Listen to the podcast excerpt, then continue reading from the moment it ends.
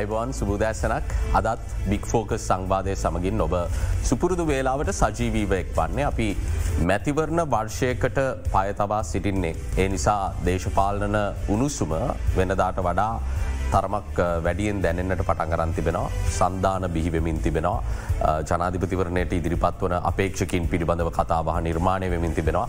එනිසා ජනාධිපතිවරණයක් පැවැත්වෙන අවස්ථාවක සාමාන්‍යයෙන් අපි දකින තත්ත්වය නැවත නිර්මාණය වෙමින් තිබෙනවා කියලා පෙනෙන්න්නට තියෙනවා. කොහොමුණත් මෙවැනි වාතාවරණයක විදායක ජනාධිපති ක්‍රමය පිළිබඳව යම්කිසි ආකාරයක සංවාධයක් නැවතත් සමාජය තුළ මතු වෙලා තිබෙනවා සිවිල් සංවිධාන එකතු වෙලා මේ ගැන සාකච්ඡා කරන්නට සම්මන්ත්‍රනාදිය සංවිධාන කරමින් තිබෙනවා. ඇතමුන් කියනවා විදායක ජනාධිපති ක්‍රමය අහෝසි කිරීම කියන මාතෘකාවත් එක්ක චන්දය කල් දැමීම සඳහා සැලැස්මක් තිබෙනවාද කියන ප්‍රශ්නය නගමින් තිබෙනවා. ඒ කොහමුණත් විදායක ජනාධිපති ක්‍රමය කියන්නේ ලංකාව ඉතිහාසේ දේශපාලන මැතිවරණ ඉතිහාසය ගත්තම මැතිවරණයක් ලංවෙදදි බොහෝවිට කතාබාට ලක්වෙච්ච මාතෘකාවක් මෙවර මේ මාතෘකාව එන්නේ ඇයි මේ ගැන කතාබහ කරන්නට අපි අපේ සංවාධ මණ්ඩපේටේ සඳහා සුදුසුම දෙදෙනකුට අද ඇරයුම් කලා ජනාධපති නීතිඥ නිසංක නානයක්කර මහත්මයා අයිබුවන් කියලා පිළිගන්න ඒවගේ අපි ඇරයුම් කලා නීතිඥ භූපති කහතුරුව මහත්මයට අයිබුවන් කෙලොබතුවා පිළිගන්න. මුලින්ම ජනාධිපති නීතිඥතුමාට මං යමුවෙන්නේ. දැන් විශේෂෙන්ම ලංකාවේ එක්දස් නමසය හැත්තාටේ විදායක ජනාධිපති ක්‍රමය අහෝස් හඳුන්වාදීපු මුහදේ පටන්. ඉන් දශකයකට පමණ පසුව සිට මේ සම්බන්ධයෙන් විවිධ මතවාද නිර්මාණය වුණ විශේෂම එක්දස් නමසය අනු හත්තරේ ජනාධිපතිවරණය සිටම මේ විදායක ජනාධිපති ක්‍රමය අහෝසි කිරීම කියන එක සටන් පාටයක් බවට පත් වනා අපේක්ෂකින්ගේ පවා. නමුත් එය කිසි දිනක සිදුවනේ නැහැ. දැන් මේ අපි ඉන්න සන්දර්භය මේ වටපිටාව ගත්තම. විදායක ජනාධිපති ක්‍රමය පිළිබඳව සහය එහි අවශ්‍යතාවය පිළිබඳව ඔබේ කියවීම මොකක්ද කියලා හල ප්‍රවේශයක් ලබා ගන කැමති. මෙමයිකන්දු ද විදායක ජනාධිපතරමේ ජයාජාර්දන මැත්තුමා වාර දෙකක් හිටිය. ඊට පස්ස ප්‍රේමදාස ජනතුම චන්දිල් ලද්දි විදායක ජනත ක්‍රමය අවස කරන කියලා කිවේ නැහැ. ඔහු විතරයි කිවේ නැත්තේ. ඉටපස් චන්දිකා මැතිනිය අවසි කරනවා කිව්වා මහින්ද රාජපක්ෂ මැත්තුම අහුති කරනගව හැබැයි මෙයා සිරිසේන මැතිතුමා මයිත පල් සිටසෙන විදායක ජනතපති බලතල අඩු කරනවා කිව්වා. හැබැයි එක කර දහන විවස්ථ සන්තෝදයෙන් කරා.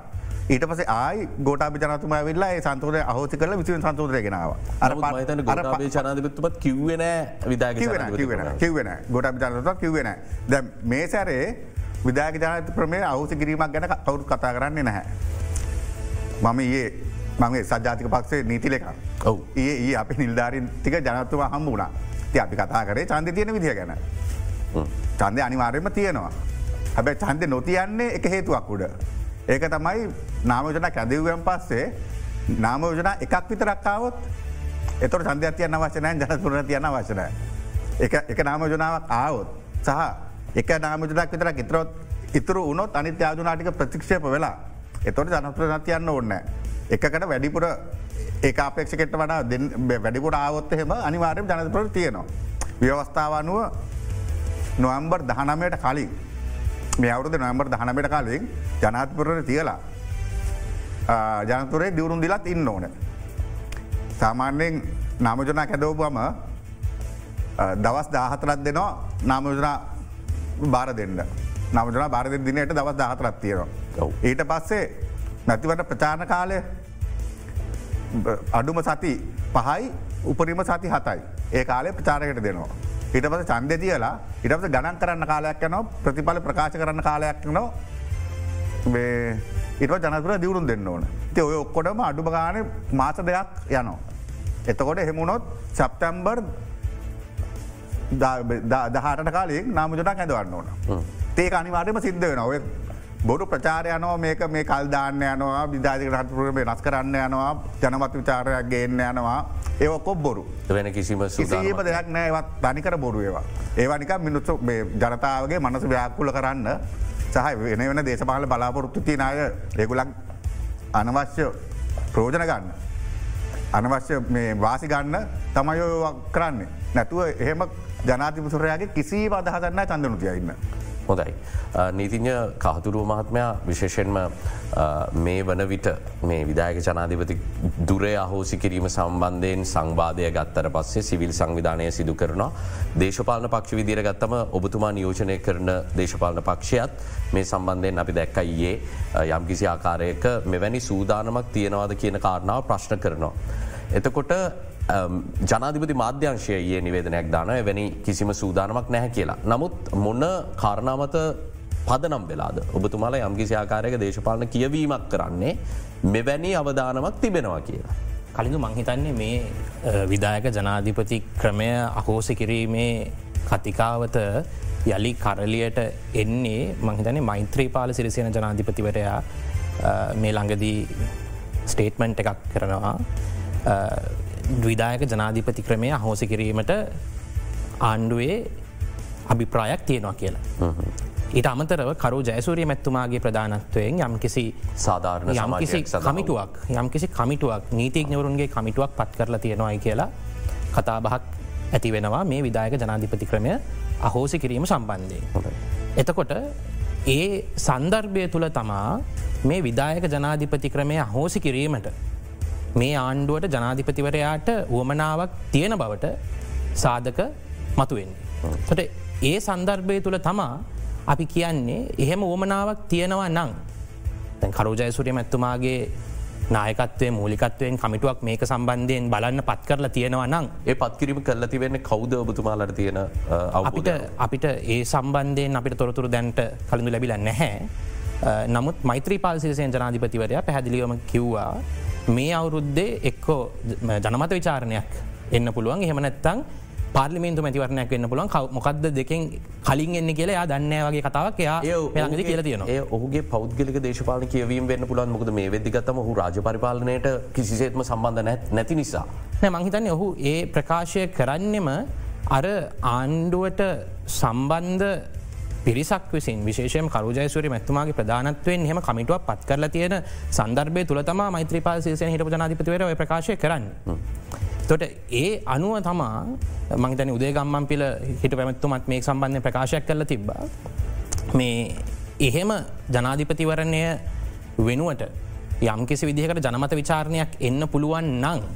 ජනමත විචාරණයක් පැවැත්තුවොත් සියලුම මැතිවරණ ඒ අනුව කල්යන්න පුළුවන් කියන කාරණය. මොකද ජනමත විචාරණයක් පැවැත්තුවොත් යම් කිසි විදිහකින් ජනාධිපතිවරණය නොපවත්වා. ගැන්නේ ජනාධිපති දූරය හෝසි කිරීම සඳහා ජනමත විචාරණයක් ඇඳවොත් එහෙම. ඉන් අනතුරුව ශ්‍රේෂ්ඨාධිකරණයට ඒක නැවත යන්න පුළුවන් පෙත්සමක් චන්දය පැවැත්වීම නීත්‍යානකූලද සම්බන්ධාරණය අභියෝගයට ලක් ජනමත විචාරනය සහ ප්‍රතිපල අභියෝගයට ලක්කරමින් ශේෂ්ඨාධිකරනයට පෙත්සමක් ඉදිරිපත් කරන පුළුව ේ පෙත්සම විභාග කරලා ඉවර වන තුරු අපි ආණ්ඩුක්‍රම වස්ථාව තියෙනවා මොකද සාමාන්‍යෙන් නම් නීතියක් කතානායකවරයා අත්සන දැම්මහම නීතිය සම්මත වෙනවා. නමුත් ජනමත විචාරණයකදී ඒ තත්ත්වය වෙනස්. ජනමත විචාරණයකදී ඒ රිසල්ස් වැලීඩ් වෙන්නේ ජනාධිපතිවරයාගේ අත්සන යෙදුවට පස්සේ. නමුත් ජනාධිපතිවරයට අත්සනයව දන්න බැහැ යම් කිසි කෙනෙක් ශේෂ්ඨාධිකරණයට ගොත් පෙත්සමක් ඉදිරිපත් කරලා ඒ පෙත්සම විභාග කරල ඉවරවන තුරු ජනාධිපතිවරයාට අත්සන යොදන්න බැහැ කියලා අනුක්‍රම වස්ථාව සඳහන් වෙනවා. එතකොට යම් කිසි ආකාරයකින් ජනාධිපති දූරය අහෝසි කිරීමට සැලස්මක් තියෙනවා නං සහ ඒකට ජනමත විචාරණයක් පවත්වනවා නං ඒ ජනමත විචාරණයෙන් පසුව කවර ශේෂ්ඨාධිකරනයට කියල පෙත්සමක් ඉදිරිපත් කරොත් ඒ පෙත්සම විභාග වෙලා අවසාන වනතුරු ඒකේ අවසාන ප්‍රතිඵලයක් ජනාධිපතිවරයාට නිකුත් කරන්න හම්බ වෙන්නේ නැහැ. තොට එවැනි ක්‍රමවේදයක් කරහා මේ තියෙන මැතිවරණ කල් දමා ගැනීමට හැකියාවක් තියෙන බව තම අපි ප්‍රකාශ කල තියෙන කල. ඒවගේම නීතිං්‍ය කහතුරු මහත්මයා දැන් ජනාධිපති රනිල් වික්‍රම සිංහට අර ජනාධිපති ගෝටාබේ රාජපක්ෂ ලැබිච්ච පාලිමේන්තු බලය නැහැ. තුනෙන් දෙකට ආසන්න පාලිමින්තු බලයක් එවකට ගෝටාබේ රාජපක්ෂ ජනාධිපතිවරයට තිබුණා. ය අනුව ජනමත විචාරණයකට යන්න නම්. අනිවාරයම තුනෙන් දෙක පාලිමිතු බහුතරයකින් මේ යෝජනාව සම්මත කරගන්නත් ඕන දැන් විපක්ෂය සියලුම් දෙනා චන්දය ඉල්ලන බවක් තමයි පෙනෙන්න්නට තියෙන්නේ බාහිරව කොහොමුණත්. එවැනි පසුබීමක තුනෙන් දෙකින් මේ සම්මත වෙන්නට තියෙන ප්‍රවණතාවයක් ඉතා මඩුවනේ ද මේ අවධාන ධර්මදිහා බලද්දී ප්‍රායෝගිකත අපි මේ පෙන්න්නන අවධානම්. කලින්දු ඒ ප්‍රශ්නයට උත්තරේ මින් පෙර මේ ජනාධීපති දූරය හවසි කරන්න සැලැස්මක් ජනාධිපතිවරයා විසින් ඉදිරිපත් කරහම. විපක්ෂනායකවරයා කිව්වා ජනාධිපති දූරය අහෝසි කරලා එසැනින් පාර්ලිමේන්තුවත් විසුරුවනවනම් ඔවුන්ගේ සහයෝගයකට ලබා දෙනවා කියලා. එකන එතකොට පාර්ලිමේන්තුවත් විසුරල තොට පාර්ලිමේන්තුවක් පත් වෙලා අලුත් අගමතිවරේ පත් කරගෙන කරගෙන යන්න පුළුවන්. තොට ඒ අයගේ සහයෝගය හිමි වෙනවා පාර්ලිමේන්තු විසුරුවන අන්තර්කාලන විධවිධානයක්ේ පනතට ගෙනාවත් හෙම ඒගේ සහයෝග ලබාගන්න පුළුව. ඊළඟට කලඳු අපි දන්නවා තියන්නේ සංවිධානය වගේ පක්ෂ දීර්ඝ කාලයක් තිස්සේ ජනාධිපති ක්‍රමයට විරුද්ධයි. ඔවුන් ඔවුන්ගේ දේශපාලන ස්ථාවරය තමා ඔවුන් ජනාධිපති ක්‍රමයට ඔවුන් විරුද්ධයි. එතකොට ඔවුන්ගේ සහයෝගය නිරායාසයෙන්ම ලබාගන්න පුළුවන් විපක්ෂය ඔවුන් හිටියට ඔවුන්ගේ සහයෝගයත් එවැනි පනත් කෙටුම් පතකට අනිවාර්යම ලැබෙනවා. එතොට එවැනි සහයෝගයක් ලබා ගත්තට පස්සේ දැනට ආණ්ඩුවට එකසේ විසි ගානක් විතර තිබ්බට විපක්ෂයෙන් මේ සහයෝගය ලබාගන්න පුළුවන්. තොට සමහල්ලාට අපිතුම විපක්ෂයේ ප්‍රධාන කණ්ඩායම් මේකට සහයෝගය දීලා මේ පනත් කෙටුම් පත යම්මාකාරයකින් ඔවුන්ගේ සහයෝගයරගෙන සම්මත කරගත්තර මං කලින්කිව්වාගේ පසුව කෙනෙක්ට එක ආණ්ඩුවට පුළුවන් කෙනෙක් දාලා ශ්‍රේෂ්ාධිකරන පෙත්සමත්ද ජනාධිප නිතිඥතුමා දැන් ඔබතුමාලගේ ස්ථාවර වෙලා තියෙනවා. ජනාධිපතිවරණය පවත්වනවා. මේ කිසිම කාරණාවකට මේ අවසර යොමුවෙන්න නෑ කියලා. එක්සත් ජාතික පක්ෂය සහ එක්සත් ජාතික පක්ෂය කෙනෙ කදූරේ කියවීම මොකද මේ වෙද්දී ජනාධිපති විදායක ජනාධිපති දුරය ගැනමකද ඔබතුමාලගේ පක්ෂය මෙය ලංකාවේ දේශපාලනයට හඳුන්නට දුන්නේ. පසුව නමුත් විවිධ ව්‍යාපාරත් එක්ක මෙ අහෝසිවිය යුතුයි කියන මතේ ඉඳලත් ඔබ පක්ෂය ඇතැම් වෙලාවට කටයුතු කරා මේ වෙලා මතය මොකක්ද. මෙම ජනාධිපති දූරය විධාධ ජනතු දූරය ඇතිකරේ එක්සත් ජාතික පක්ෂය. ඒක ඇතිකරේ ඔය හැත්ත ගණන්වල තිබ්බා ලොකු බාමාංචික වාමාංචක නැඹුරුවක්. මේ බුෘතිය සමිතිවල ලොකු පිබිදීමත් තිබ්බා. එතකොට රටකට ඕන වුනා ජනප්‍රිය නෝන හරි තීර ගන්න පුළුවන් කෙනෙක්. සහ ක්‍රමයක් ක්‍රමයක්. කෙලින් තීර ගන්න පුළුවන් ජනප්‍රිය නැති කෙලින් තීර ගන්න පුළුවන් දූරයක් ඕන වුණා ඒක තමයි මේක ඇති කරේ. මංහිතන්නේ දැන්ටත් රටේ තින ව්‍යාකුල තත්ව දිහා බලපුවාම විදා ජන දුරය තියෙන්ට ඕන. නැත්තං වෙන්නේ පාර්ලිමේන්තුවට බලය දුන්නොත් එහෙම පාර්ලිමේන්තුවේ ඔළුගඩි එහටමට මාරු සල්ලි දිල ගන්න පුළුවන්නේ. අරගෙන හැමදෑම අගපතිල වෙනස්වේ හැමදාම කැබිනට් වෙනස්වේ ස්ථාවරාණ්ඩුවක් කෙනෙ නැහැ. ඒක රට හොඳ නැදිවුණන රටවල්වට ඒව හොඳ නැහැ. හොඳට දියුණු වෙලා ප්‍රජාතන්ත්‍රවාදය ස්ථාපිත වෙච්ච රටවල්වලට ඒක ගැලපෙන එකම ගැලපෙන කියලා කියන්න පුළුවන්. නමුත් දියුණුවමින් තිීන් රටවල්වලට ස්ථාවර ආණ්ඩුවක් ජනතා පත් කරගත්තම ඒ දුර කාලේ දූර කාලය පාවිච්චික මේ ඉන්න මේ ස්ථාවර ආණ්ඩුවත් තියෙන් ඕන. නැතු හැම්බෙලේම පාර්ලිමේන්තුවෙන් එහට මෙහට මන්ත්‍රවරු හටමට ගයා කියලා ආණ්ඩු පෙල්ලන්න ගයොත්තහෙම රට මෙලෝදයක් වෙන්න. දියුණුවත් තබනෝතිය රට ඉදිනලා වැට්ටි කරගෙනන්න තම්බවෙන්න. අනික රට තින ප්‍රශ්න දැන් අයගේවන එක ප්‍රශ්න ඩොලරගේ ප්‍රශ්නය ඔක්කො මිසදන්න එක හරි තීර ගන්න කෙනෙකින් ඉන්නම ඕන. අපේ මතය විදා ජනාධ විදු දූරේ දැන් තියෙන් ඕන එන පක්ෂ නිලමතය විදිට අපිට හඳුරගන්න පුළුවන්. තාම නිලමතය ප්‍රකාශ කරල නෑ මමගේ මම දන්න විදියට ඒක තමයි අපක්ෂය මතය. අරවැනි සාකචාවන් නැති නිසාම අවස එහෙම දෙයක් නෑ. එහෙම විදාගතරමය අවති කරන්න ජනපෘතාට තියන්න මුලින් මේ පාල්මතු මතිවරය තියන්න එහෙම කිසි අදසන්න මොකද පෙරද කැබිනට්ක ඒ ඒ කැබිනට්ක තිබානේ ඒ කැබිනට්ක තීරණය කරේ පෙරේදා. ඒ කැබිනට්ක තීරණය කරේ ජන බජට්ටකෙන් අයවැක් වෙංකල් ලතියනවා බිලියන් දහය ඒ බිලියන් දහය ජනාධිපරණය රොදවන්න ඒකෙන් මේ ජනපට තියන්න. උතනත් සම වෙන වෙන ජනවතු චානල සල්ලිවින් කරලන්න හෙම එක අදහසකුත්න ඒ ඔක්කොමික මනස ජනතාව මනස ව්‍යාකූල නීතිජතුමා තව ප්‍රශ්නයක් අහනවා. මොක ජනාධිපතිවරයා බොහෝ විට කීප එකක් තමයි ජනාධිපතිවරණයක් සහ මහමැතිවරණයක් කියන දෙකම මේ වර්ෂය පැත්වෙන්නට පුළුවන් කියලා. එතකොට බිලියන දහයක් වෙන් කිරීම තුළ මේ මැතිවරණ දෙකම පවත්වන්නේ ප්‍රමාණවද්ද කියන අහන ප්‍රශ්නයකුත් තියෙනවා මේ වෙලා. දැන්ට අදහත දැමන්ගේ අපි කතා කරන්නේ පාලිමෙන්තු ඇතුවරය ගැන කතා කරේම නෑ. ජනත්වරණ ගැන විතරයි කතා කරේ. ජනත්වර ඉවර වෙලා තමයි පාලිමිතු මතන සමර ලබන අවුරද මොකද පාලිමිතු මැතුවර තියන්න ඕන දෙදස් විසිපයි ලබන අවුරුද්දේ අගෝස්තු මාසන කලින්. කල් තීර ඕන තර. ඇබ ජනතිවරයට ඕන වෙලා අවුද්ධකට කලින් විතුරන්න පුළුවන් අවුරුදක් ගැන මේ අවුද්ධ අගොස්තුලින් පස විතුරන්න පුළුවන් ඕන්න නමුත් එහෙම අදහන්න හැ දැන්ට පාර්ලිමේන්තුවේ රජයට බහුතරය තියෙනවා ඒ කොම්ෆටබල් බහුතරයක් පැහදිලි බහුතරය තියෙනවා හැම පනතම්ම බොහොම ලේසින් සම්මත වෙනවා ඒ එහෙම එහෙම පහසුවෙන් තියෙන ආණ්ඩුවක් මොකට විසුර හෝල මේ අනවශ්‍ය විදිහට මේ තවනික අච්චාරුවක් කෘචලන්ඩයක් කදාගන්නේ. අවශ්‍ය නෑනේ රටා කෙලි ඉස්සරහට යන්න රටේ ප්‍රශ්න විතදන්න සාවර ආණ්ඩුව තියෙන්න්නෝට දැන්ට මේ ආණ්ඩුව සාවරයි. ඒ ස්ථාවර භාවනික බොරුවට මේ චන්ද තියති නැතිකරගන්න අවස්ථාවන්න. දයි නීතිජ කහතුරු මහත්මයා මේ වෙද්දී විදායක ජනාධිපති දුරය පිළිබඳව ඔබතුමාලගේ ස්ථාවරයමකක්තේ කියන්නේ මේ පවතින සූදානම හෝ අවධානම ගැනෙමෙයි මඟහන්නේ. විදායක ජනාධිපති ක්‍රමය මේ මොහොතේ මේ පවතින අභියෝග හමුවේ තියෙන් ඕනේ සංකල්පයක්ද නැත්තන් ඒ පාලිමේන්තු ක්‍රමයකට යා යුතුද. මෙහෙමයි කලින්දු. විදායක ජනාධිපති ක්‍රමය පැබති යුතුයි කියන එක වෙනුවෙන් විශේෂයෙන්ම ජාතිකවාදී දේශපාලන පක්ෂ වසර ගණනාවත් තිස්සේ ඒ වෙනුවෙන් පෙනීදල තියෙනවා. විදායක ජනාධිපති ක්‍රමය එපා කියලා කියන අය බොහෝ වෙලාවට විදායක ජනාධිපති ක්‍රමය අඩුපාඩු දකින්නේ මේ එක පුද්ගලයෙක්ට බලය කේන්ද්‍රීය ක්‍රමයක් තුළ යම්කිසි විදිහකට බලය දූෂණය වෙන්න පුළුවන් දූෂිත ක්‍රමයක් බිහිවෙන්න පුළුවන් කියන එක. නමුත් අපි ලෝකය අරගෙන ගත්තහම ලෝකයේ බොහෝ රටවල විදායක ජනාධිපති ක්‍රමයක් පවතිනවා. අපි ගත්තොත් එහෙම ඇමරිකාව. ඇමරිකාව කියන්නේ ඉතාම මේ බලවත් විදායක ජනාධිපති ක්‍රමයක් පවතින රටක්. ඇමරිකාවේ ජනාධිපතිවරයා ගත්තහම ඇමරිකාවේ ජනාධිපතිවරයාට ලංකාව ජනාධිපතිවරයාට නැති බලතල තියනද උදාහරණයක් හැටියට ඇමරිකාවේ ඇමතිවරු පත් කරන්නේ ජනාධිපතිවරයා තමන්ට කැමතියි. නමුත් ලංකා ජනාධිපතිවරය ගත්තාම යා පාර්ලිමේන්තු මිනිසු තෝරලයවට කට්ටියගෙන් තම යායට යම් කිසි පිරිසා කැමතිවරු හැටියට තෝරගන්න පුළුව. දැන් ඇමරිකාව ගත්තාම කොංග්‍රස් එකෙන් පාස් වෙන නීතියක් ජනාධිපත්ත පුළන් වීටෝ කරන්න. නමුත් ලංකාවේ කතානායකවරය අස්සංගරාට පස්සේ ජනාධිපතිවරයාට එක් ගැන කිසිම කියන්න දෙයක් නැහැ. තෝට අපි ගත්තහම ඇමරිකාවේ හෙනම් අපිටත් වඩා බලවත් ජනාධිපතිවරයෙක්. අපිටත් වඩා බලතල තියෙන ජනාධිපතිවරයෙක් ඉන්නවා නමුත් ඉතාම හොඳට ඒගොල්ල ඒ වැඩ කටයුතු කරගෙන යනවා. එතවට ලංකාවේ මේ ජනාධිපති දූරයට ගොඩක් වෙලාවට මේ ඇටැක් කරන්නේ.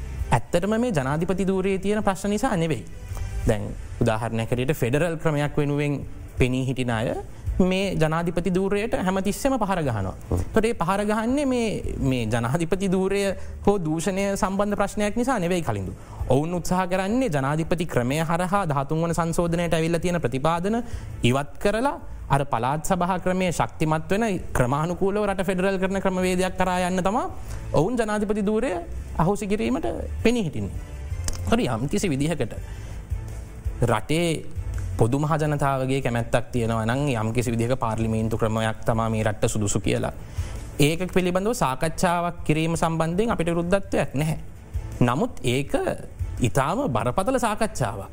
ඒක මේ දැන් උදාහනකට ශේෂ්ඨාධි කරණය විවිධ අවස්ථාවල කියලා තියෙනවා මේ යම් කිසි විදිහකට මේ ජනපති දූරය හොසි කරන අනිවාර්යයෙන්ම ජනමත විචාරණයකට යා යුතුමයි කියලා.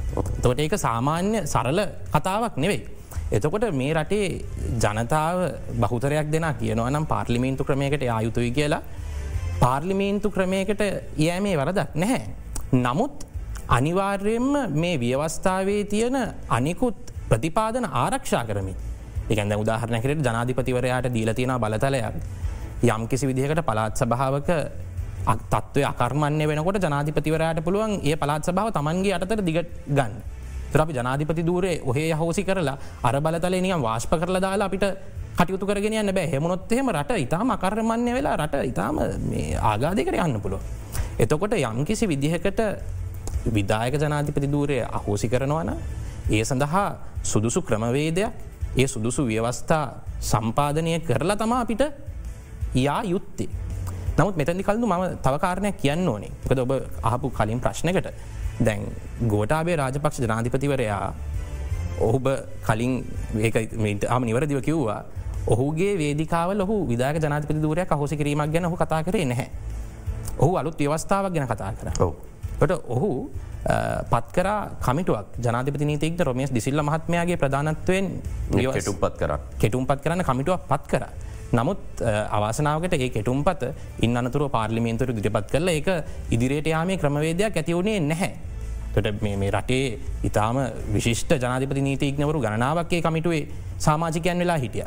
තොට ඒ කෙටුම්පත මොකද මිනිස්සු මැන්ඩේට් දිල තියන ගෝටාබ රාජපක් ජනාධිපතිවරයටන අවසාන ජනාධිපතිවරණේ මිනිස්සු තමන්ගේ කැමැත ප්‍රකාශ කල තියන ගෝටාබ රාජපක්ෂ ජනාධිපතිවරයට ඔහු ඉල්ලා අස්සුනාට ඔහුට දුන්න ජනවරම තම බලංගුවේ ඔහුගේ ජනවරම තම රනිල් වික්‍රමසිංහ ජනාධිපතිවර දිගටම කරගෙන යන්නේ. එතකොට අපිට මේ අවස්ථාවේ කොහොමත් වෙනත් විදිහක ව්‍යවස්ථා සංශෝධනයක් කරන්න කිසිම ආකාරයක වරමක් ජනතාව විසින් ලබාදීල නැහැ. එතකොට යම් කිසි විදිහකින් මොනයම් හෝ දේශපාලන පක්ෂයක් ජනාධිපති දූරය හවසි කරනවන. වෙනත් ව්‍යවස්ථා සංශෝධනයක් කරනවන ඒක ඉස්සෙල්ල ජනතාවට මැතිවරණයක ඉදිරිපත් කරන්න ඕන අපි මෙහෙම එකක් කරන්න යන්න අපි පත්වනාට පස්සෙ කියලා. එහෙම තමා ඒක ලෙජිටිමසියක් ගන්න.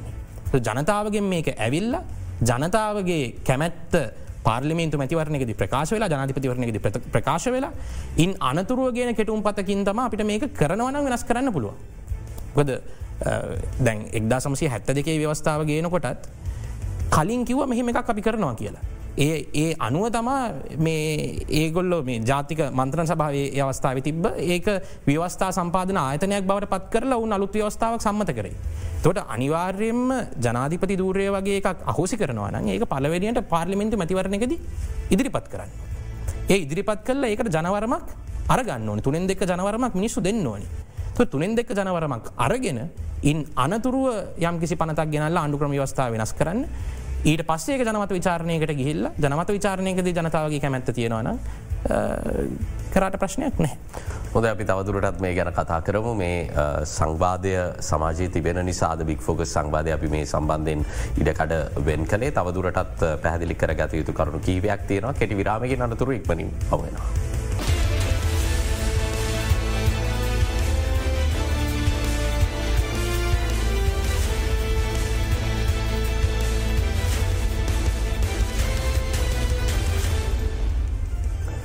යළිත් බික් ෆෝගස් සමගින් ජනාතිපති නිතිඥ නිසංක නානෑ කරමහත්මෑරම විරාමෙන් පසුව යොමුවෙන්නේ. විශේෂ මේ ජන වර්ම සම්බන්ධයෙන් තියෙන කතිකාවත පිළිබඳවත් මං අවධානයම කරන්න කැමති විශේෂ මේ දහතුන්ගනි සංශෝධනය සම්බන්ධයෙන් ජනාධිපතිවරයා ගත්ත ප්‍රවේශය අවස්ථාවේදීත් බෝ දෙනෙක් මේ ජනවර්ම කියන කාරණාව පෙරටරන් කතා කරා. විශේෂම ගෝටාවේ රාජපක්ෂ ජනාධිපතිවරයාට ලැබුණු ජනවරමේ ඉතිරි කොටස තමයි අනුප්‍රාප්තික ජනාධිපතිවරයා විදියට රනිල් වික්‍රම සිංහට පැවරිලා තියෙන්නේ කියන තර්කය එක පැත්තක ඉදිරිපත් වෙද්දි. අනික් පැත්තෙන් සමහරු කියනවා ඇහෙනවා මේ පාර්ලිමේන්තුවේ අනුප්‍රාප්තික ජනාධිපතිවර තෝර පත්කර ගැනීමේ චන්ද විමසීමකින් තමයි රනිල් වික්‍රමසිංහ මහත්මයට බලය ලැබෙන්නේ එහිදී වෙනස් වෙලා තියෙන දේශපාලන යථාර්ථයන් එක්ක පාල්ලිමේන්තුවෙන් තමයි ඔහුව ජනාධිපතිවරයා කරන්න. යනු මේ ජනවර්ම කියන කාරණාවේ මේ තර්කයන් දෙක ගැන ඔබේ ඔබේ මතය මොකක්ද. මෙහෙමනේ ගෝටාපි ජනාතුමා පත් වනේ අවුරුදු පහකට. ති එතුමට අයිතිය තියෙනවා අස්වෙන්න ඒ කාරණ මොනවුනත් එතුම අස්සුනා දැතවට රටකට ජනාධිපතිකට නැතුව යන්න බැහැ. එතකොට වෙන්නේ ඉන්න අගමැතිතුමා වැඩබල ජනාතිපති හැදියට පත්ව නො ව්‍යවස්ථාවනුව ද ප්‍රේමදස ජනත්තුමා මියගයාමත් ඕකන වුණේ ඩිපිතුක මැත්තුමා වැඩබල ජනතය පත් වනා ඊට පස මාසයක් ඇතුළද පාර්ලිමේන්තුවේ චන්දයක් තියන්න ඕන. ඒක ව්‍යවස්ථාව තියෙන්නේ. තියලා පාර්ලිමෙන්තුවේ වැඩි චන්දෙන් ජනතු කෙනෙ පත් කර ගන්න ඕන. දැන් ඔය ජනාතිපරණයට ඉල්ලුවනේ ප්‍රනිල් වික්‍රමසිංහ මැතිතුමාට අම්මතරව දලසොයි මේ කෞද අන්නුකුමාරයි ද ඒගොල්ල දින්න නංග ජනමතවයි ගෙනමන හරි කියනවාද. ජනමතයක් නෑ මෙහෙම කන්න අරය කන්න එහෙම එකක් කියන්න නෑනේ. බියවස්ථාව තියෙන විදිහ තමයි මේක. ඒ ඒහෙම පත්තන එකනාට අර කලින්හිට ජනාධපතට තියෙන බලතලව තියන යස්ථාන් දීලා තියෙන බලතලම තියන කිසිම අඩුවක් නැතුව තියෙනවා. සහ විශේෂ නිශ්චිත මහනවා දැන් ජනාධිපති ගෝටාබේ රාජපක්ෂ ජනතාව හමුවේ තිබ තියපු ප්‍රතිපති ප්‍රකාශයට වඩා සම්පූර්ණයෙන්ම වෙනස් වෙන්න පුලන් තව පේක්ෂකයෙක් ජයග්‍රහණය කරම හු රට කර විදිිය. ට කෙනෙක් තර්ක කරනවා නම් අරවෙලාවේ ලක්ෂ හැටනමයක ජනතාව චන්ද දුන්නේ සෞභාගේ දැක්ම ප්‍රතිපති ප්‍රකාශයට එයින් පිට කිසිවා මේ අලුතෙන් දිනපු ජනාධිපතිවරයට කරන්න අයිතියක් නෑ කියලා ඔබේට එකගවෙන්න නෑ කියලද කිය. එහෙම මෙහෙමනේ ව්‍යවස්ථායවත් ජනාතිපර මැතිවරණ නීතියවත් මැතිවට ප්‍රකාශනයක් ගැන කියලන ඒක සිතිම බලංගු භාවයක් ගැන කියලන ඒක බයින්ඩිං ෆෙක්ටයක් ගැන කියලන මැතිවට ප්‍රකාශය ගැන මේ දේශපාල පක්ෂ විසින් ඇති කරගන්න දෙයක්. පක්ෂ විසින් මත් මැතිවන කාලින් අප මැතිවන ප්‍රකාශ මේකයි කියලා. ඒක ලීග නීතිමේ බැඳීමක් නැහැ. හැබැයි ගෝටාප ජනත්තුමා මතිවරණද කියපු කතාටික ඒකම කරන්නට මේ ඊලකට පත්වන ජනත්වර ඒ ගොඩාපි ජනත්තුවාගේ දමියක් නෙමේ ඒ ඒ කරගෙන වැඩ පිළිවල කරගෙන යන්න ආප කෙනෙක් නෙමේ අලුතේ පත්තෙන් ජනත්තුමා අලුත් වැඩි පිළිට යන්න පුළුවන්. කොහොමත් අලුත් පැස්වයට යන්න සිද්ධ ගුණානේ මොකොද කලින් එක වැරදුනානේ. ගොටා බේ ජනත්තුමා කරගෙන කාපු වැඩ පිළිවල් වැරදුනානේ ඒකම කරගෙන යන්න බෑනේ. අලුතෙන් අලුත් දිට කරන්න ඕන. ඇති ඒක හින්ද මේ මේ ඔය ජනතා ව්‍යාකූල කරන්න පටලවන්න කරන කතාමිනේ ඔක්කොම. කවුහට පත්වනාම මනුසට කරගෙන යන්න දෙන්න ඇතුව ඔය බාධ කරනවා ඔය වැඩන වෙන වෙන වෙන ඕකෙන් වෙන සුගතියන්නෑ කාටවත්. හොද කහතුරුමාත්මය දැන් ඒ ගැන මෙතුමගේ තර්කයක්ත් එක්ක ඔබේ ප්‍රතිචාරයට එද්දී. මේ ජනවර්ම ගැටෙනවා කියන ඔබේ තර්කයක්ත් එක්ක මේක වෙනස්. ඇයි ඔබ ඔබ කියන්නේ ඒ මුලින් ඒ ජනාධිපතිවරට අවුරුදු පහටම ලබා දෙන එකත් එක්ක බැඳී ඉන්නවා කියලා ඊළඟට එන ජනාධිපතිවර. කලින්දු ම පලනි කියන්න ඕනේ මේ අපේ ගරු ජනාධිපත් නීතුතුවාගේ ඒ තර්කයක්ත් එක්ක මම එකඟ වෙන්නේ නැහැ. මම එකඟවෙන් නැති හේතුව මම කියන්න. දැන් අපේ ආණ්ඩු ක්‍රම ව්‍යවස්ථාවේ පරමාධිපත්්‍ය පිහිටල තියෙන්නේ ජනතාව කෙරෙහි කියලා තියෙනවා. මේ පරමාධිපත්තයට කොටස් පහක් අයිති වෙනවා. විදායක බලය ව්‍යවස්ථාදායක බලය අධිකරණ බලය චන්ද බලය සහ මූලික අයිතිවාසකම් කියන පහ. එතකොට විදායක බලය ජනතාව ජනාධිපතිවරණයකින් ජනාධිපතිවරයාට දෙනවා. මේක ජනතාවගේ මේ ඔක්කොම ජනතාවගේ බලය. මේක මිසක් ගෝටාබේ රාජපක්ෂගේවත් රනිල් වික්‍රම සිංහගේවත් බලයක් නෙබේ මේ ඔක්කොම ජනතාවගේ තමා බලය. නමුත් ජනතාවට මේක ඒ ප්‍රායෝග අපිට එක්කෙන දෙන්න අපි මේ විදායක බලය කරන්න බැරි නිසා අපි වෙනුවෙන් අපි ජනාධිපති වරණ එකද මේක අපි ට්‍රාන්ස කරනවා. නියෝජිත ප්‍රජාතන්ත්‍ර නියෝජිත ප්‍රජාතන්ත්‍රවාද. අපි මේක අපි තෝරාගන්නා කෙනෙක්ට අපි අපේ බලය ටෙම්පරි මේ තාව කාලිකව අවුරුදු පහකට අපි දෙනවා ඔයා මගේ විදායක බලය පාවිච්චි කරන්න. එතකට පාර්ලිමේන්තුවට විදායක බලයක් දෙනවද? පාර්ලිමේන්තුවට අපි විදායක බලයක් දෙන්නේ නැහැ. අපි ව්‍යවස්ථාදායක බලයක් විතරයි පාර්ලිමේන්තුවට ලබා දෙන්නේ. තොට පැහැදිලිවම මේ රටේ සියලුම විදායක බලය. ජනතාව ජනාධිපතිවරණයකින් ජනාධිපතිවරට විතරයි දෙන්නේ දැ පලාත් සභාගත්තහමත් පලාත් සභාවේ විදායක බලය තියෙන්නේ ජනාධිපතිවරයා පත් කරන ආණ්ඩුකාරයට මිසක් පලාත් සභා චන්දකින් විදායක බලයක් පලාත් සභාවට යන්නේ නැහැ. එතකොට පැහැදිලිවම ජනාධිපතිවරණයකදී ජනතාව පත් කරන කෙනෙක් තම ජනාධිපතිවරයා බට පත්වෙන්. එතකොට යම් කිසි විදිහකට මේ ජනාධිපතිවරයා ඉල්ලා අස්සුනොත්. එහෙම නැත්තං මිය ගියොත්. ඒවගේ දරන්න නුසුදුස්සෙක් වුණොත්. නොසුදුස්සෙක් වුණොත්. තොර මොකක් හරි මේ වගේ ප්‍රශ්නකදී පාර්ලිමේන්තුවට පුළුවන් අනුප්‍රාප්තික ජනාධිපතිවරයෙක් පත් කර ගන්න අනුප්‍රාප්තික ජනාධිපතිවරේ ජනාධිපතිවරයෙක් නෙවේ අනුප්‍රාප්තික ජනාධිපතිවර මොකක්ද වෙනස? අනුප්‍රාප්තික කියලා කියන්නේ තකොට ඉතුරු කොටස සඳහා. ඉතුරු කාලය සඳහා ජනාධිපතිවරයෙක් පත් කරගන්න. එක අනුප්‍රාප්තික කියන වචනය අර්ථකතනය ඔහුගෙන් පසු කියන එක නෙමේ. ඔහුගෙන් පසු තම ඔහුගෙන් පසු ඉදුරු දුර කාලය සඳහා. එතකොට මං ගැන කලින්දු පාර්ලිමේන්තුවෙන් අනුප්‍රාප්තික ජනාධිපතිවරයෙක් පත් කරගන්න එක ක්‍රමවේදයක් පමණයි. මිසක් පාර්ලිමේන්තුවට විදායක බලයක් නෑර ජනතාවට වගේ ලබා දෙන්න. මං කියන තේරවාද. ජනතාවට ජනාධිපතිවරණ චන්දකදිත් විදායක බලයක් ට්‍රාන්ස කරන්න පුළුවන්. ඒ බලය ලබා දෙන්න පුළුවන්. නමුත් පාර්ලිමේන්තුවට එහෙම දෙන්න විදායක බලයක් නැහැ. නමුත් මේක ව්‍යවස්ථාවේ අකණ්ඩ භාවය සඳහා. ග ජනාධිපතිවරයෙක් නැතුව රටට පාලනය වෙන්න බැහැනි කලින්දු. මොනම් එකන එක තප්පරයකටවත් මේ රටේ ජනාධිපතිවරයෙක් නැතු එක තප්පරයකටවත් මේ රටේ ව්‍යවස්ථාදායකනතු මේරට පවතින්න බැහැ. ඒක නිසා ව්‍යවස්ථාවේ අකණ්ඩ භාවය සඳහා. ක්‍රමවේදයක් එකතු කරලා තියෙනවා පාර්ලිමේන්තුවට මෙවැනි විශේෂ අවස්ථාවක පත්කර ගැනීම සඳහා.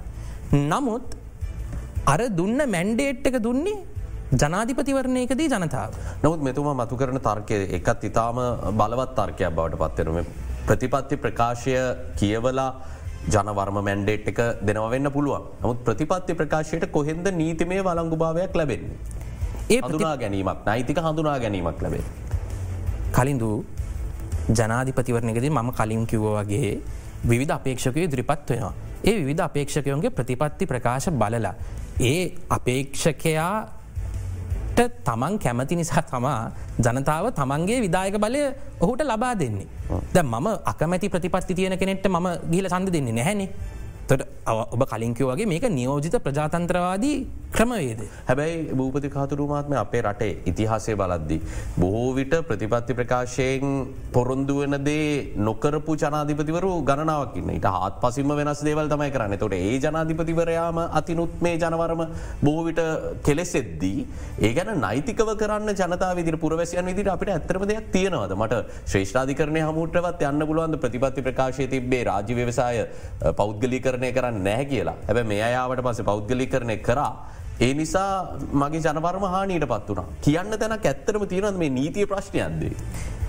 එහෙම අපිට ශ්‍රේෂ්ඨාධිකරණයට මූලික අයිතිවාස්කම් පෙත්සමක් හෝ වෙනත් ක්‍රියාමාර්ගයක් ජනාධිපතිවරයා අපි දුන්න ජනමරවට පටහැනිව කටයුතු කරනවාය කියලා යන්න ක්‍රමවේදයක් අපේ නීතිය තුළ නැහැ. නමුත් අපි දන්නවා ජනාධිපතිවරයා මේ දූරය පාවිච්චි කරන්නේ අපිගෙන පබ්ලික් ට්‍රස් ඩොක්ට්‍රීන් කියලගක් තියෙන ගැන මහජනයා වෙනුවෙන් තමා මේ දූරය දරන්නේ. තොට අපේ විධ නඩු තීන්දු තියෙනවා ඒ පබ්ලික් ට්‍රස්ට එකට පටහැනිව තීන්දු ගන්න බැහැ කියලා. ගැන යම් කිසි තීරණයක් මහජනතාවගේ පොදු පොදු සුභසාධනයට එරෙහිව තීරණ ගන්න බැහැ කියලා. තොට නමුත් ඔබ කියපු ඒ සුවිශේෂී අවස්ථාවේ අපිට මංහිතන්නෑ කිසිදු නඩු ඉන්දුවත් තියෙනවාය කියලා දුන්න පොරොන්දුවලට පටහැනිව වැඩ කරන එක නීති විරෝධී කියලා එකක් නැහැ. ජනපති නීතිජතුමා මේ මැනිෆෙස්ටෝ එකකට තියෙන නෛතික වලංගු භාවය අපේ රට අවශ්‍ය නැද්ද මොකොද අපි මේ සංවාදයෙන් පිට කතා කරොත්. බොහෝ විට අපි දකිනවා මේ පොතේ තියෙන දේ නෙමේන පසුව කරන්නේ. ඒ නිසා යම් කිසි ආකාරය නෛතික වලංගු භාවයක් ගේන්න පුළුවන් ප්‍රතිපාදන එකතු කරන්න හැකියාවක් තියෙනද. එහෙම හැකියාවක් නැහැමොකොද දැ මෙහෙමනේ දැන් මැතිවරණ ප්‍රකාශනයක් ඉදිරිපත් නොකරන්නත් පුළුවන් අපේක්ෂකට නීතිය කිසිව බැදිවන්න මේ චන්දිල්ලන්න කලින් මැතිවන ප්‍රකාශනය ඉදිපත් කරන්න ඕන කියලා. මතිවන ප්‍රකාශ ඉබත් නොකරන්නත් පුළුවන්.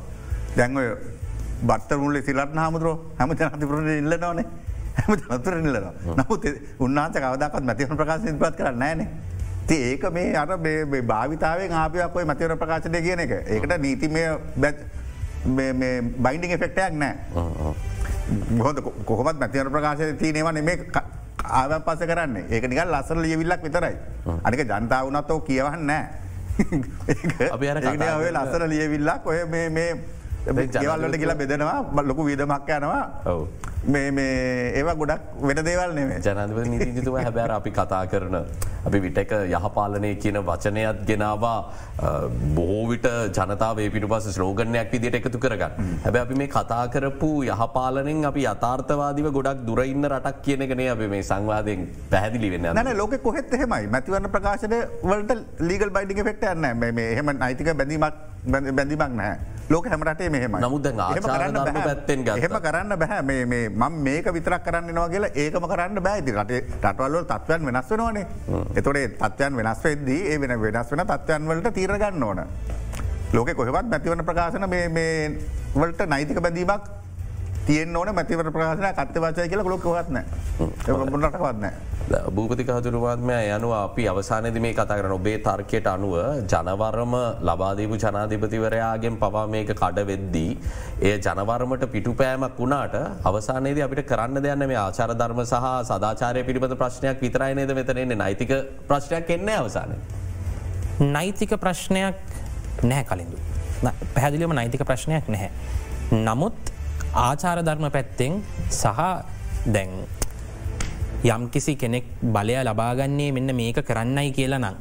දැන් බොහෝ වෙලාවට අපි දන්නවා වෙනත් දැන් දියුණු රටවල මේ වගේ ප්‍රශ්නය ගැන කරගෙන යනකොට කරන්න බැරිවෙන ඒක නවතරවෙන අවස්ථා තියන්න පුළුවන්. දැ උදාහරණයක් හැටියට දැ ඇමරිකාවේ බැරක් ඔබාම ජනාධිපතිවරයා කිව ඔබාම කයා කියලා සියලුම දෙනාට මේ නිදහ සෞඛ්‍ය ක්‍රමයක්. මොකද ඇමරිකාවති නිදහ සෞඛ්‍යයක් නෙවෙයි රක්ෂණයක් ගන්නවන්න නැත්තං රක්ෂණය නැත්තං රෝහලට ගහම් බෙහෙත් දෙන්න තොර බැරක් ඔබාම කිව ම ආවාම ඔබාමකයා කියලා හැමෝටම දෙනවා කියලා.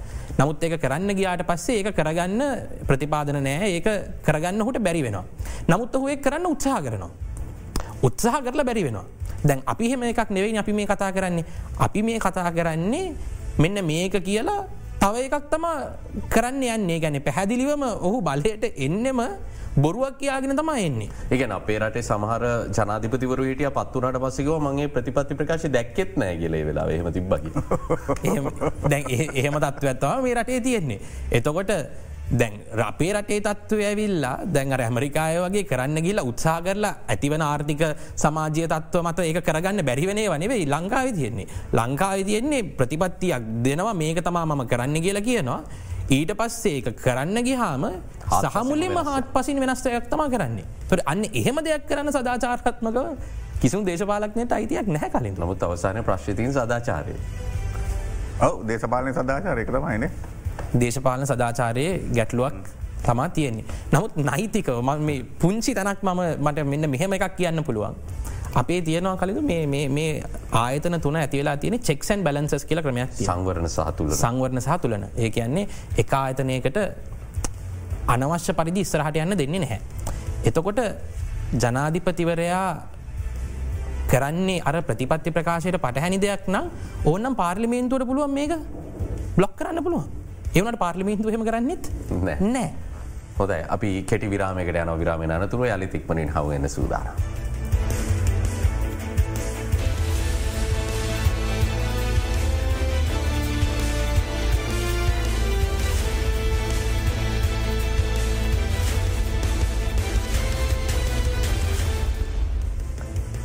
ජනාධිපති නීතිජ නිසංකනානයක් කරමහත්මය දැන් ජනාධිපතිවරයා. මේ වර්ෂයේද අනිවාරයෙන්ම ජනාධිපතිරණයක් පවත්වනවා කියලා පිරිස කියද්දී ඒ සම්බන්ධයනුත් සමහරු කියන කතාවත් තමයි ජනාධිපතිවරය කියන්න ඕන එකක් නෙමේ ඒකමකද මැතිවන්න කොමිෂන් සබවට බලය තියන්නේ. එනිසා එතුමට අදාල කර්තවයක්වත් නෙමේ තුම කියන්න ම අනිවාරෙන් තියෙනවා කියල. විශේෂම පාලිමේන්තු මැතිවරණය ගැන කතාරත අපි දැක් ඇතම දේශපාල කණ්ඩයම් කියන එතුමට පාලිමේන්තු මැතිවරණය ගැන කතාකර කිසිමයි තියන්න මක දිනෙක්න තමයි තියන්න ඕන කියලා.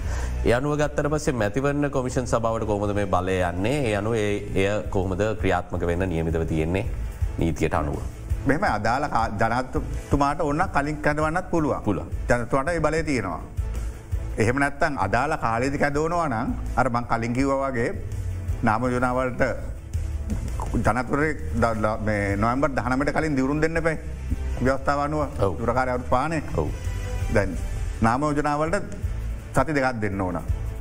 එත එට පස නාමෝජන එකට වැඩිපුරාවත් ජනතවරන තියන්න ඕන මැතිවන ප්‍රචාරණ කාලය අයිකි කලින්කිවාගේ තමයි.